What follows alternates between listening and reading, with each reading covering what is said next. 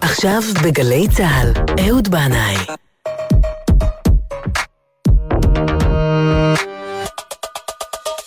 הבית של החיילים, גלי צה"ל.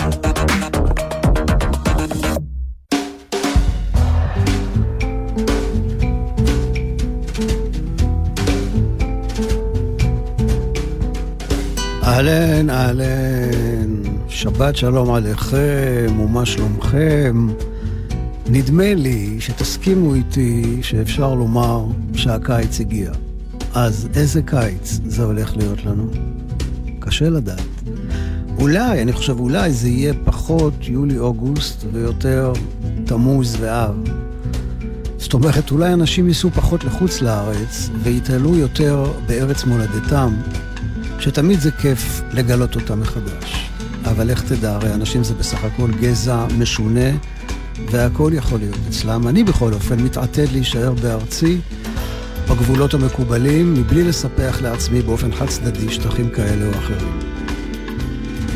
לפעמים, בגלל הכמיהה לנופים רחוקים, אפופי ערפל וקריאות שכפים על המים, או אפופי תכלת שמיים וחוף כחול של מים, לפעמים אנחנו לא רואים את מה שמונח ממש מול העיניים שלנו, על יד הבית שלנו, או במרחק נסיעה סביר. ובארץ שלנו, הרי לאן שלא תיסע, אתה כמעט תמיד במרחק נסיעה סביר. וכרגע יש תחושה של בלבול, חוסר ודאות. זעירי קיץ נישאים ברוח, אבל איזה מין קיץ זה הולך להיות? זרעי קיץ נישאים ברוח, מאירים זיכרונות, מעוררים ארגונות. זרעי קיץ באים בנחיריים, ורומזים איזה קיץ הולך להיות.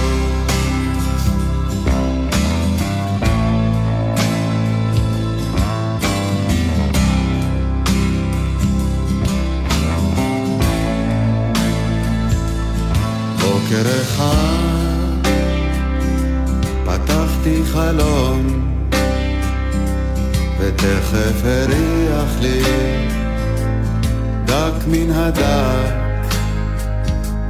קיץ מסוג שהיה כאן כבר פעם אמרתי בקיץ קיץ חזק איך מוצא חן בעיניך להיות?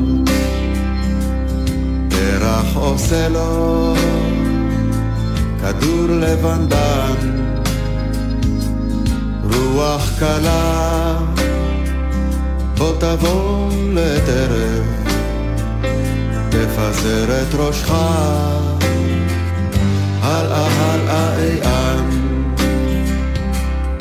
היית רוצה להיות גם נשבר אל חוף ההומר. רוחצים רוחצות עושה אותי מלך משוח במלח מוכתר בזרים זרים של עצות תרצה תהיה. סיגריה גנובה בפי נערים. בתשוקה ראשונה או אז תימצץ. תשאף אלי אפר יאמרו זה היבוב היבוב העונה זרעי קיץ נישאים ברוח, מאירים זיכרונות, מעוררים ארגונות. זרעי קיץ באים בנחיריים, ורומזים איזה קיץ הולך להיות.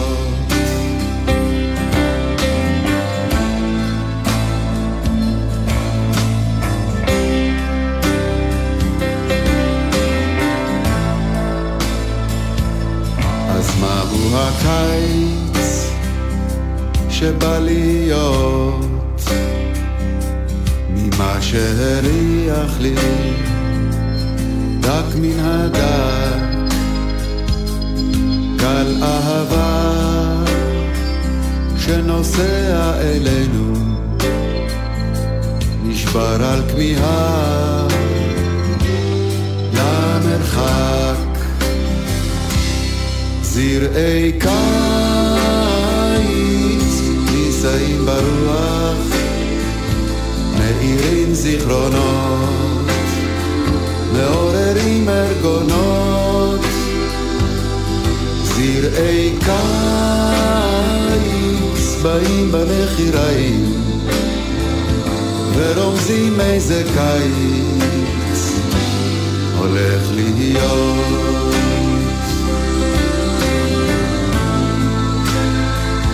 ורומזים איזה קיץ. הולך להיות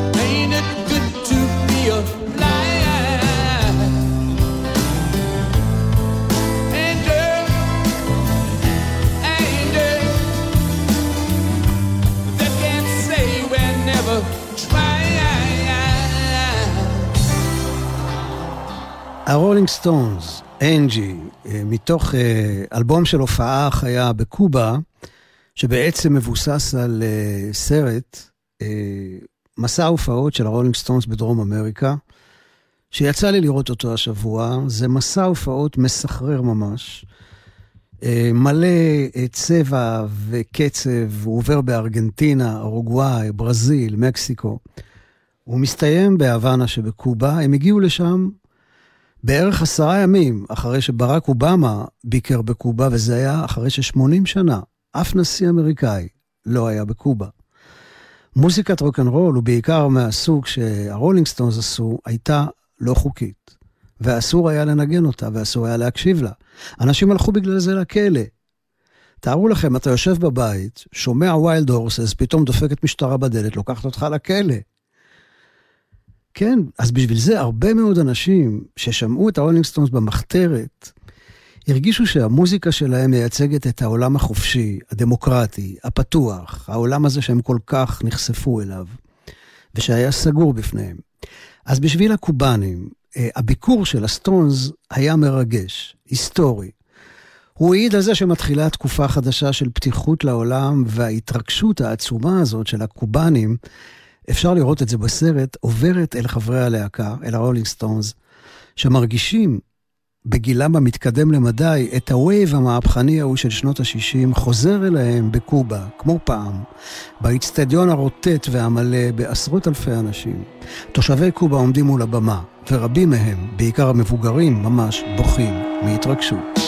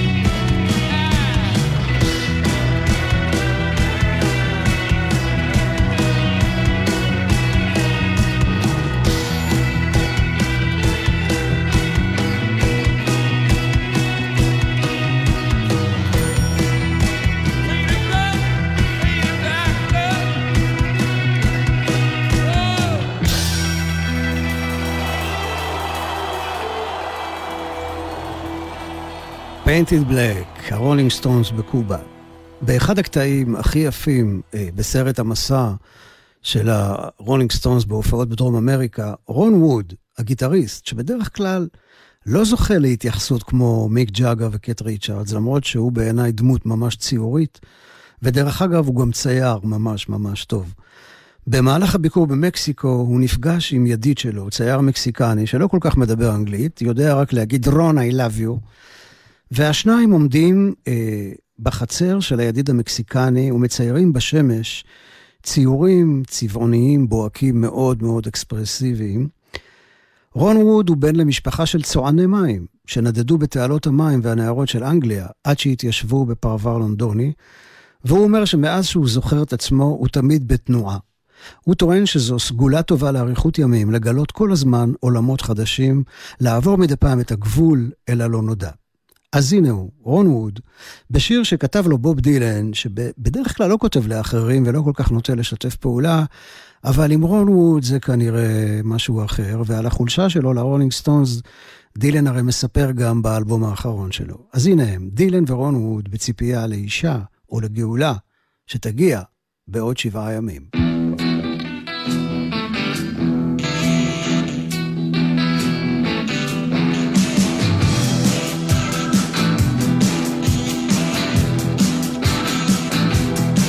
never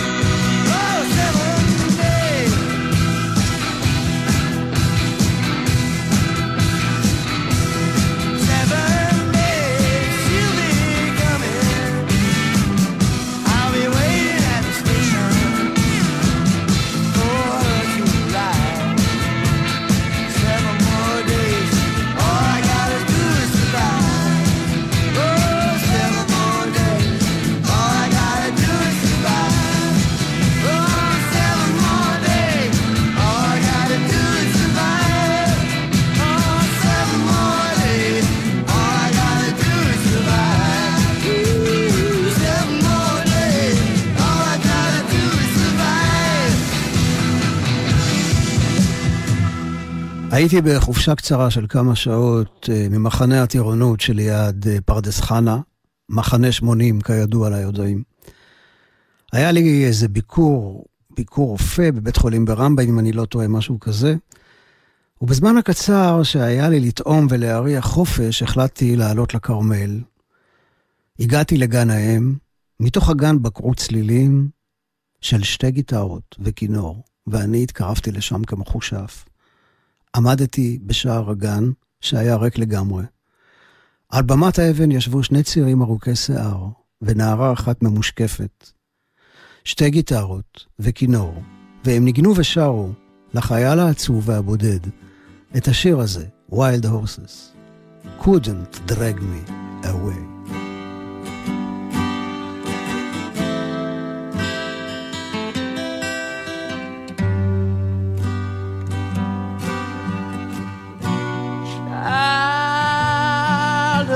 Living is easy to do.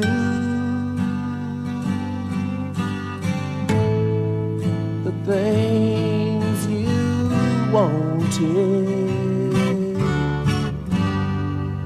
I bought them for you. Graceless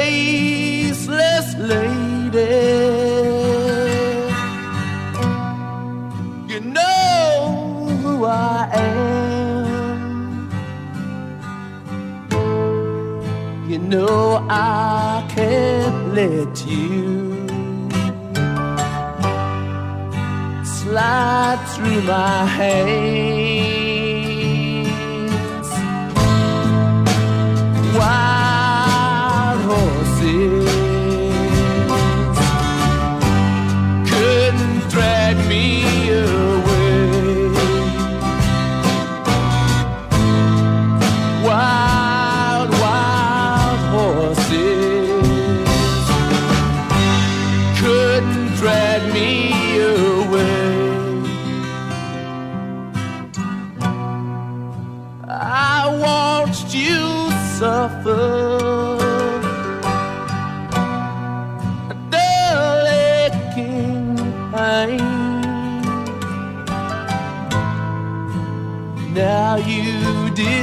Decided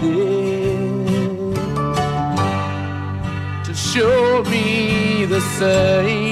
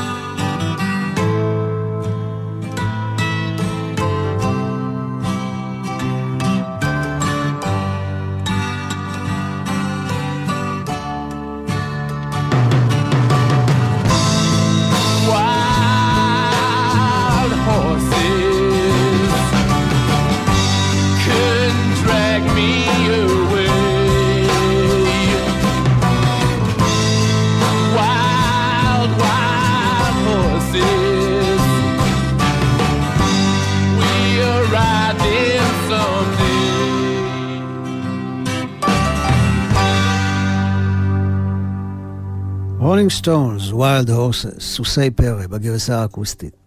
יש לפעמים שאני מסתכל על מופעי רוק במבט קצת אחר. אני מתכוון בעיקר למופעים ענקיים, מוחצנים כאלה, גדולים מהחיים. מצד אחד אני יכול ליהנות מאוד מהמוזיקה, התנועה, המקצועיות וכל זה, אבל מצד שני יש לי לפעמים תחושה שאני רואה סוג של עבודת אלילים מודרנית. ולא סתם קבעו את המושג הזה, אלילי רוק. ולכן אני מודה שיש לי בדרך כלל קרבה נפשית וגם מוזיקלית אל מוזיקאים שעומדים על הבמה בצורה מופנמת. דילן, כהן, ואן מוריסון, מייקל צ'פמן.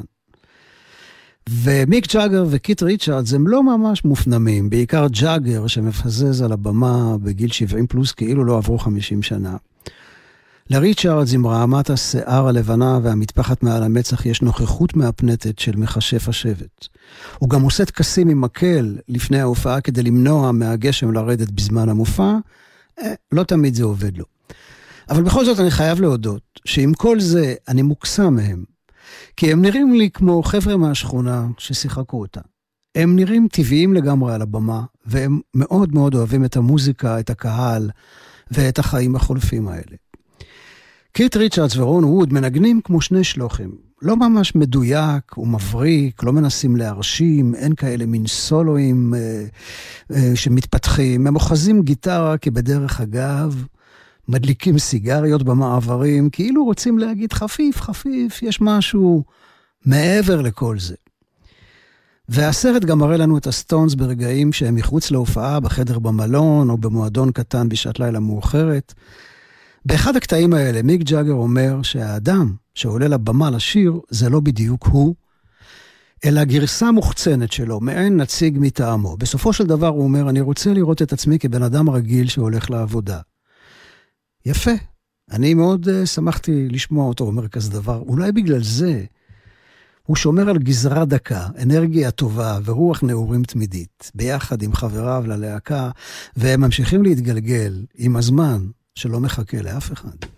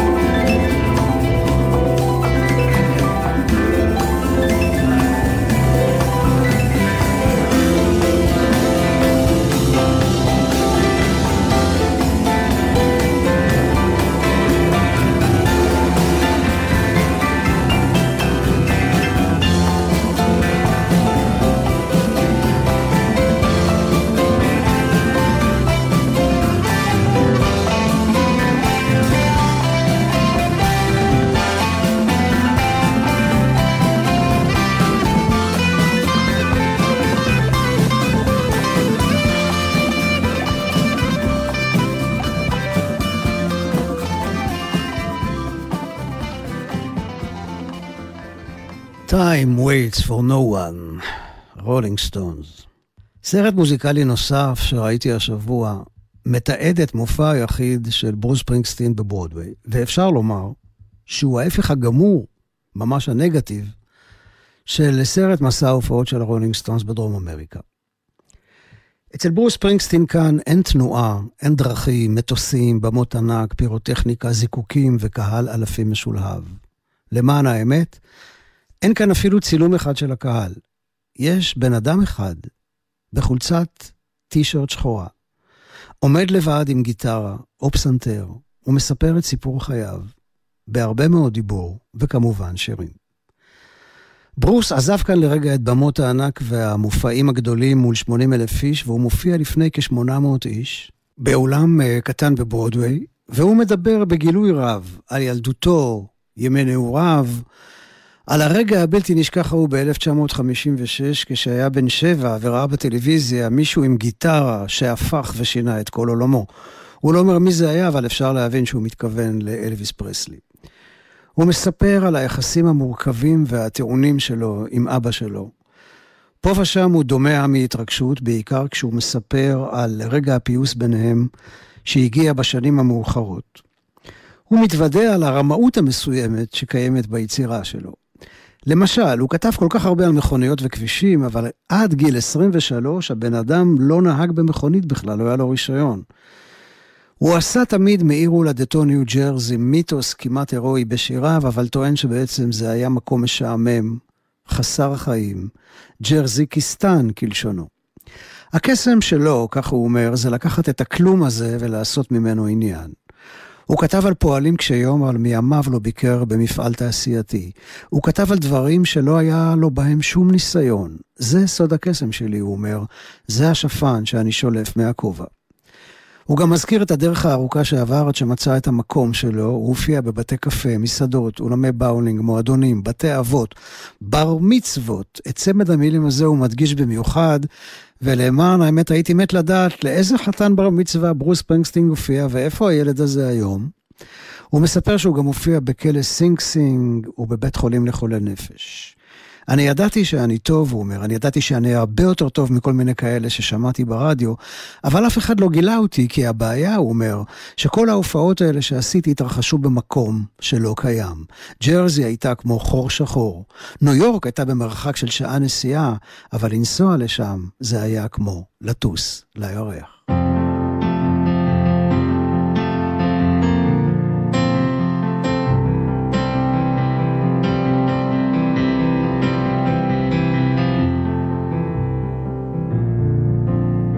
Was eight years old, running with a dime in my hand to the bus stop to pick up a paper from my old man. I'd sit on his lap, that big old Buick. We steer as he drove through town, tossing my hair.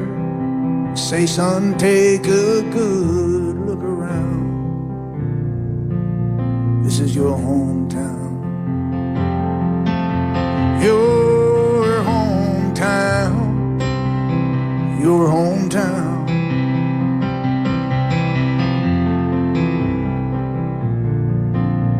In 65, tension was running high at my high school. There's a lot of fights between the black and white. There was nothing you could do. Two cars at a light on a Saturday night. In the back seat there was a gun. Words were passed in a shotgun blast. Troubled times had come to my hometown. Here to my hometown, to my hometown.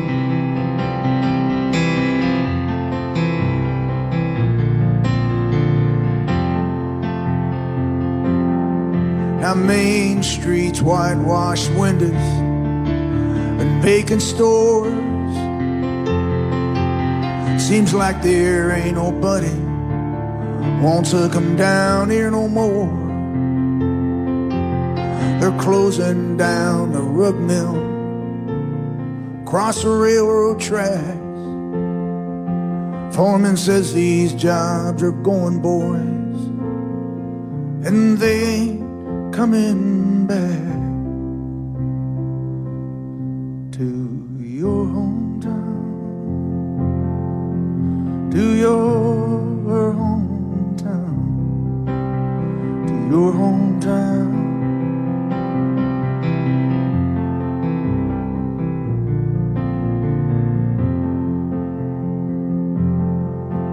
Last night, me and Kate, we laid in bed talking about getting out, packing up our bags, maybe heading south. I'm 35, we've got a boy of our own now. Last night I sat him up behind the wheel. Said, son, take a good look around. This is your hometown.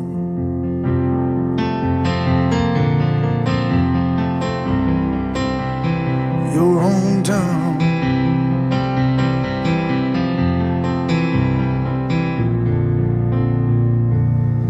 This is your hometown.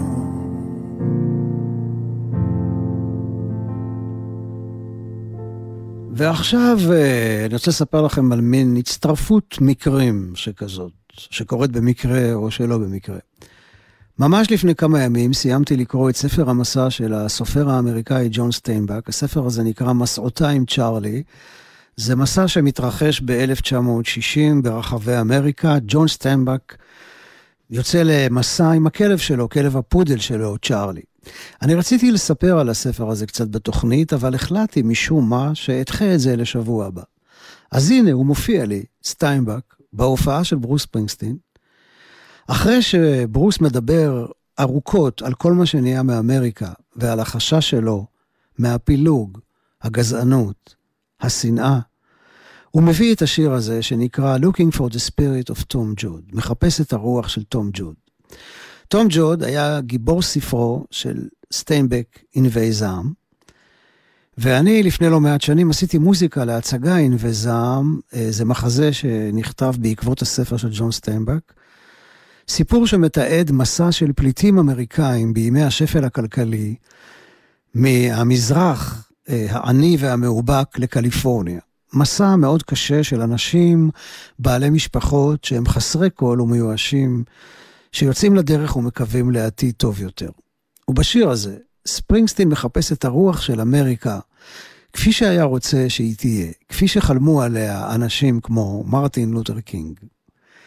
והוא אומר, אני יושב בלילה ליד מדורה ומחפש את הרוח של תום ג'וד.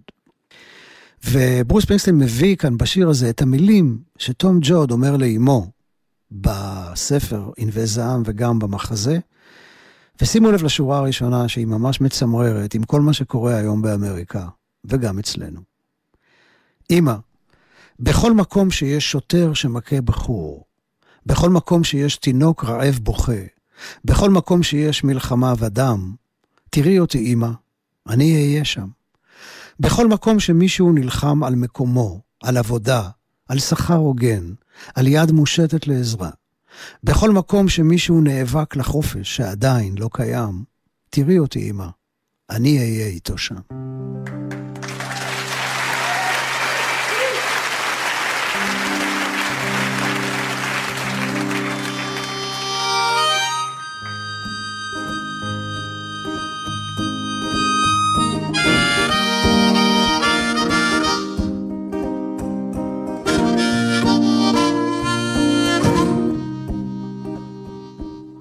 Men walking along the railroad tracks. Going someplace there's no going back. Highway patrol choppers coming up over the ridge. Hot soup on a campfire under the bridge.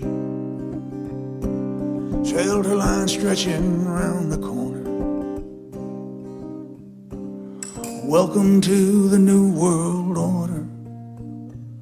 Families sleeping in their cars in the southwest. No home, no job, no peace, no rest. Well, the highway's alive at night. But nobody's kidding nobody about where it goes. I'm sitting down here in the campfire line, searching for the ghost of Tom Jones. Pulls a prayer book out of his sleeping bag. Preacher lights up a butt and takes a drag. Waiting for when the last shall be first and the first shall be last. In a cardboard box neath the underpass. I got a one way ticket to the promised land. You got a hole in your belly and a gun in your hand. Sleeping on a pillow of solid rock. Bathing in the city aqueduct. Well, the highway's alive at night. Where it's headed, everybody knows. I'm sitting down here in the campfire light, waiting on the ghost of Tom Joe.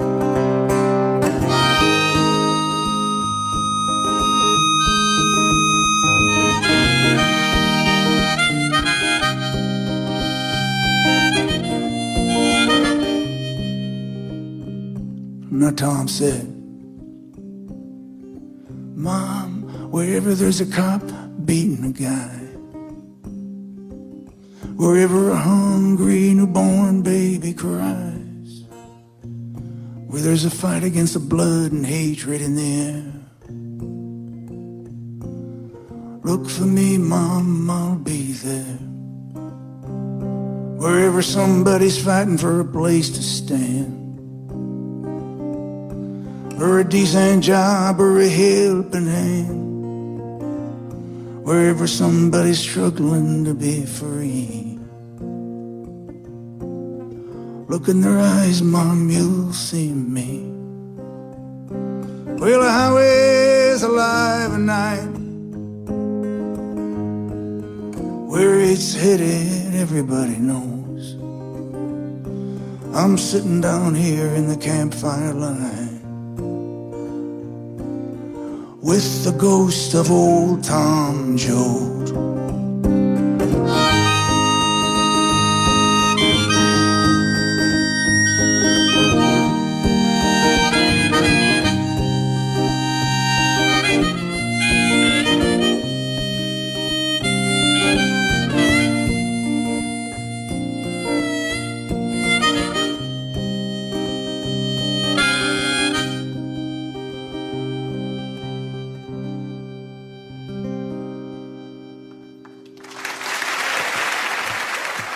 ספרינגסטין מתגלה במופע היחיד שלו בברודוויי כדברן ומספר סיפורים ממנעד תיאטרלי ממש מרשים.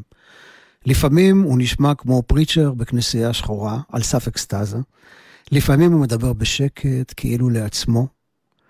הוא כנראה מאוד התגעגע במופעי הענק שלו לקשר לאחד הזה, לביטוי האישי והמזוקק.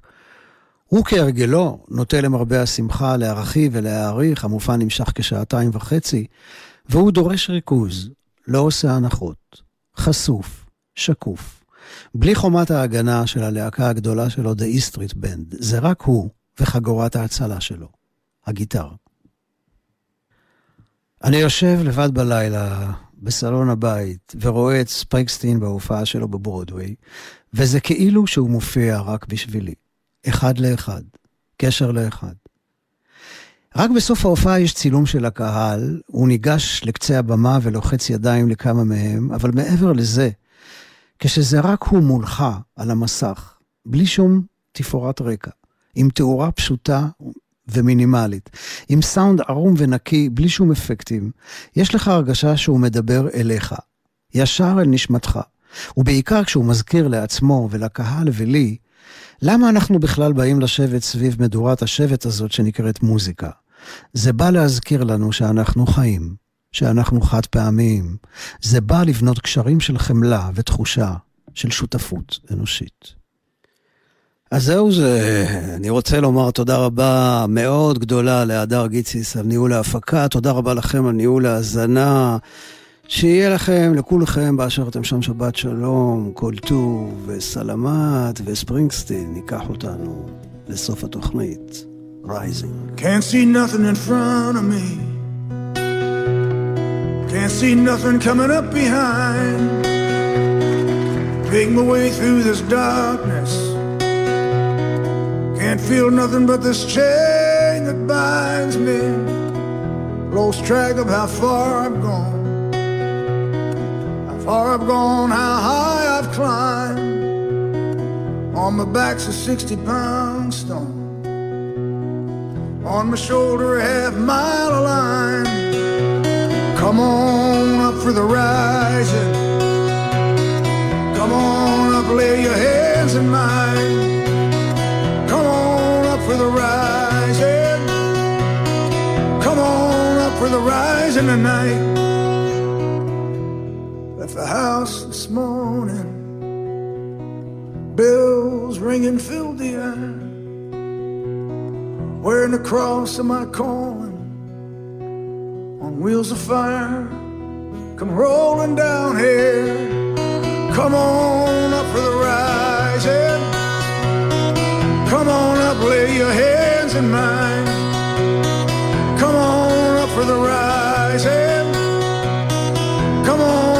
Come on up for the night. Yeah, lie, lie, lie, lie, lie, lie, lie, lie. La la la la la la. There's spirits above and behind me. Faces gone, black eyes burning bright. May their precious blood bind me. Lord, as I stand before your fiery light. Lie, lie, lie, lie, lie, lie, lie, lie. La la la la la la la la la. I see Mary, in the garden, in the garden of a thousand sighs. There's holy pictures of our children dancing in a sky filled with light. And I feel your arms around me.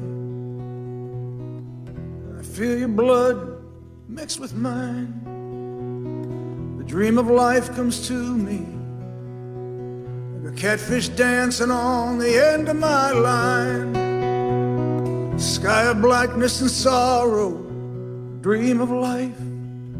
Sky of love, sky of tears. Dream of life. Sky of glory and sadness. A dream. אתם מאזינים לגלי צה"ל. את מקבלת שבע הודעות רצופות מהבת שלך בזמן הנהיגה, והסרטים מתחילים לרוץ. אולי היא נתקעה מחוץ לבית, אולי מישהו עוקב אחריה, או שהיא נפלה לאיזה בור ואף אחד לא שומע אותה. נו באמת, אמא, צאי מהסרט. הרי במקרה דחוף באמת, הייתי מתקשרת. שימוש בנייד מעלה את הסיכון לתאונה פי עשרה. אם זה דחוף, מתקשרים. בנהיגה, הודעות יכולות לחכות. נלחמים על החיים עם הרלב"ד.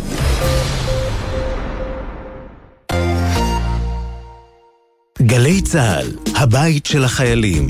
ב-11 במאי פרסמנו אחרי שהבטיחו מענקים של 4,000 שקלים לכל חייל בודד משוחרר, מסתבר שמחציתם כלל לא זכאים למענק. בן אדם שעלה לארץ והוא מרגיש שאין אכפתיות מהמדינה כלפיהם, למה להיות בודדים בצבא וגם באזרחות? ב-13 במאי הוחלט. משרד ראש הממשלה יקצה 8 מיליון שקלים לטובת סיוע לחיילים הבודדים המשוחררים. על פי ההחלטה, לכל חייל בודד משוחרר יועבר מענק בשווי 4,000 שקלים ללא צורך בהצגת תלושי שכר. יש לי חיוך מפה עד לשמיים עכשיו.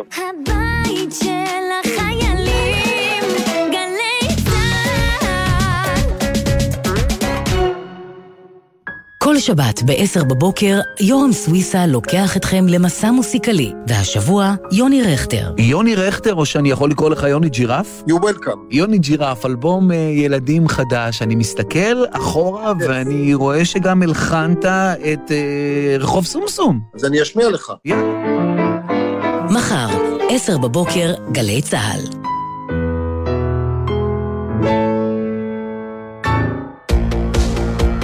אחרי החדשות, גל גבאי.